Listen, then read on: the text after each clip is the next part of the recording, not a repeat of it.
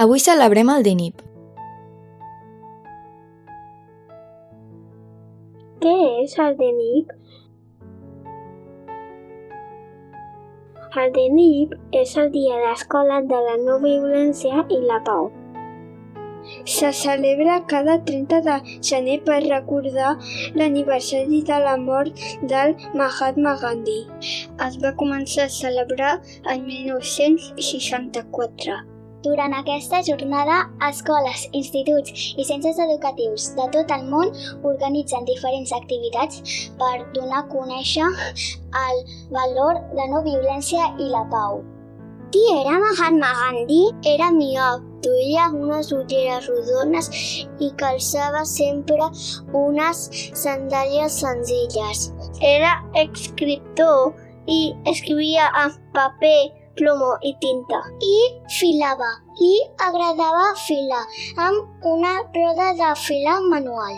Deia que mentre un fila, els pensaments van venint i que això l'ajudava a pensar. D'aquesta manera podia arribar a dibuixar Mahatma Gandhi, un dels personatges més importants del segle XX, un gran símbol per la lluita de la pau. Va néixer a l'Índia, ara fa 152 anys.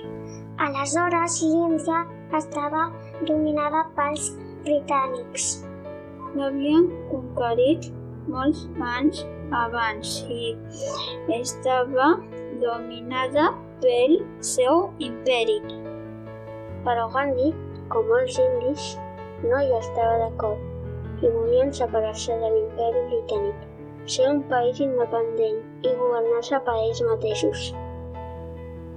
Alguns indis ho volien fer amb la violència, fent ús de la força, però Gandhi va preferir fer-ho a través de la pau. D'això se'n diu fer resistència passiva, per exemple, fent vagues asseient al mig dels carrers o fent caminades pacífiques que recorrien el país d'un extrem a l'altre. Els britànics el van empresonar moltes vegades, però ell no es va rendir mai. Va aconseguir que el seguissin moltíssimes persones. Finalment, ho van aconseguir. Els britànics se'n van anar i l'Índia es va convertir en un país independent. Gandhi deia que per la llibertat de l'Índia estava disposat a donar la vida, però per res del món, ni per al seu país, trauria la vida d'algú altre. Malauradament no tothom pensava com ell. I alguns anys després, quan en tenia 78, va ser assassinat per persones que no estaven de la seva part. Però la seva mort no va suposar la fi de les seves idees ni de bon tros.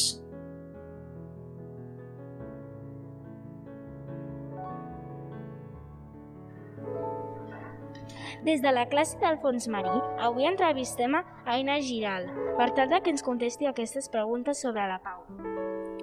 Què faig jo perquè hi hagi pau al meu voltant? Jo, perquè hi hagi pau al meu voltant, ajudo a la gent que ho necessita i no creo baralles. Quines persones coneixes que clarament treballin per la pau? Jo conec el meu tiet Albert, que és el director d'una ONG pel Sàhara.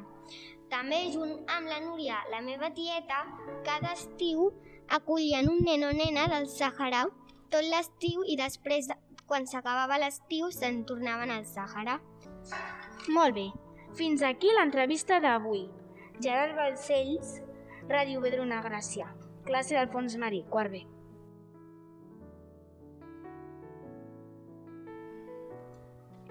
Des de la classe d'Alfons Marí, avui entrevistem a Jean Grau per tal que ens contesti aquestes preguntes sobre la pau. Què faig jo perquè hi hagi pau al meu voltant? Que intento no pagar la gent i, i també intento solucionar els problemes parlant. I quines persones coneixes que clarament treballin per la tau? Eh, el pare d'un amic meu, que es diu Josep Maria Porta, i treballa per Open Arms i sempre va als països de pobresa i també el meu avi, que, bueno, la meva àvia, de part de la mare, que també treballen per la pau. Fins aquí l'entrevista d'avui. No a Mestres Ràdio Badruna Gràcia, classes d'Alfons Marí, quart B. Des de la classe de l'art, avui entrevistem a Pol Llena, per tal que ens contesti aquestes preguntes sobre la pau. Què faig jo perquè hi hagi pau al meu voltant? Intento respectar els companys i no fer el, als altres el que no m'agrada que em facin a mi. A casa col·laboro i ajudo. Quines persones coneixes que clarament treballin per la pau? Greta Thunberg, la gent que no es baralla, el Tortell Poltrona i Òscar Camps. Fins aquí l'entrevista d'avui. Martina Rutjan, Ràdio Badruna Gràcia, classe de l'art, quarta. Des de la classe de l'art, avui entrevistem a la Gina Sabalbeascoa per tal que ens contesti aquestes preguntes sobre la pau. Què faig jo perquè hi hagi pau al meu voltant? Intento evitar baralles, respectar els companys i resoldre els conflictes parlant. I també tenir empatia per ajudar la gent que m'envolta. Quines persones coneixes que clarament treballin per la pau? La Greta Thunberg, activista contra el canvi climàtic, i Arcadi Oliveres, membre de Justícia i Pau, entre d'altres. També metges, professors, escriptors, músics i alguns polítics més. Fins aquí l'entrevista d'avui. Laia Sanz, de la ràdio Vedruna Gràcia, classe de l'art quarta. Som la classe dels mags i les magues i avui els hi faré unes preguntes sobre la pau. Qui treballa per la pau? Els pares, mares, avis, àvies, pallassos sense frontera, Creu Roja, Mans Unides, professors, professores. Aquestes són algunes de les coses que podem fer per tenir pau al nostre voltant. Respectar els altres. Comptar fins a 10. Ajudar els altres. No ens anem a enfadar. Ser bon amic. Ajudar els meus amics. Parlar amb respecte. Ajudar i tenir amistats. Respirar i no barallar-nos. Ajudar sempre als altres i compartir sempre. No xinxar els altres. Estar tranquil i no enfadar-nos. Parlar en educació. Ser simpàtic, amable, fer cas i portar-me bé. Ajudar les altres. Arreglar les coses tot parlant. Ser bon amic i arreglar les coses parlant. Demano perdó quan m'equivoco. Quan m'enfado me'n vaig al meu llit a tranquil·litzar-me llegint. Canto una cançó sobre la pau. A no barallar-nos. Tranquil·litza els que s'estan barallant. Quan s'estan barallant, li intento parar o li dic a la mestra. Dono la raó als altres quan m'he equivocat. No molesto els companys. Ara llegirem algunes de les coses que deia Gandhi. Sigues el canvi que vols veure al món, que vol dir que tots podem canviar el món.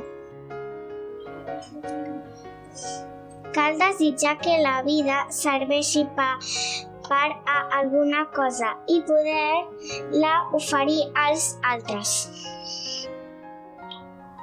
L'amor mai demana, sempre dona. La humanitat només pot lliurar-se de la vi violència amb la no violència, que vol dir la lluita pacífica. Si vols canviar el món, canvia't a tu mateix. No hi ha camí per la pau, la pau és el camí. No cal apagar la llum de l'altre per aconseguir que brilli la nostra. I ara us deixem amb un conte. El seu títol és La sopa de pedres. I l'explicava en Escobós ara fa molts anys. Així i tot, encara és ben actual. Explica tot el mal que pot fer una guerra. També explica la força que pot tenir la solidaritat. Escolteu, escolteu, segur que aprenem moltes coses.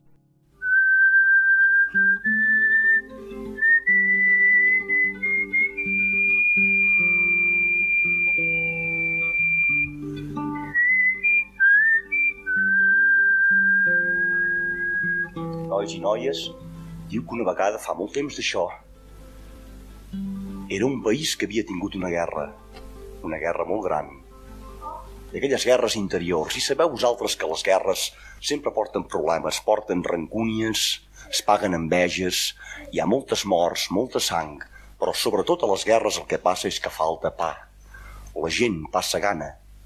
No es cull el blat, no es fa la farina i la gent es mor de gana. Un bon dia, quan aquest país va haver acabar la guerra i va quedar totalment destrossat, un soldat, brut, espallifat, esparracat, pulsós, va arribar de la guerra a un poble.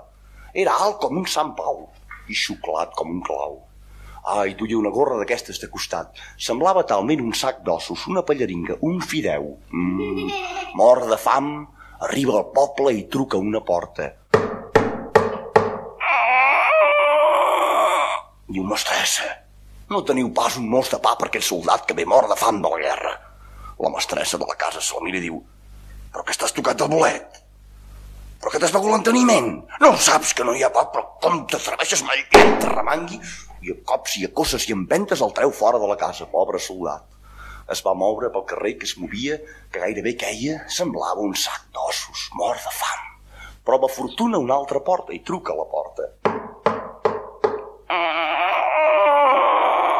Diu, mestressa, no teniu pas un tros de pa per aquest soldat que ve mort de fam. La mestressa aquesta vegada se'l mira de fit a fit, intensament, i diu «Però que estàs boig? Que t'has begut l'enteniment? No ho saps que no hi ha però com t'atreveixes marillar amb terramant?» I també a cosses i empentes el treu fora, pobre soldat. Ho va provar en una porta, en dues, en tres, en quatre i en cinc.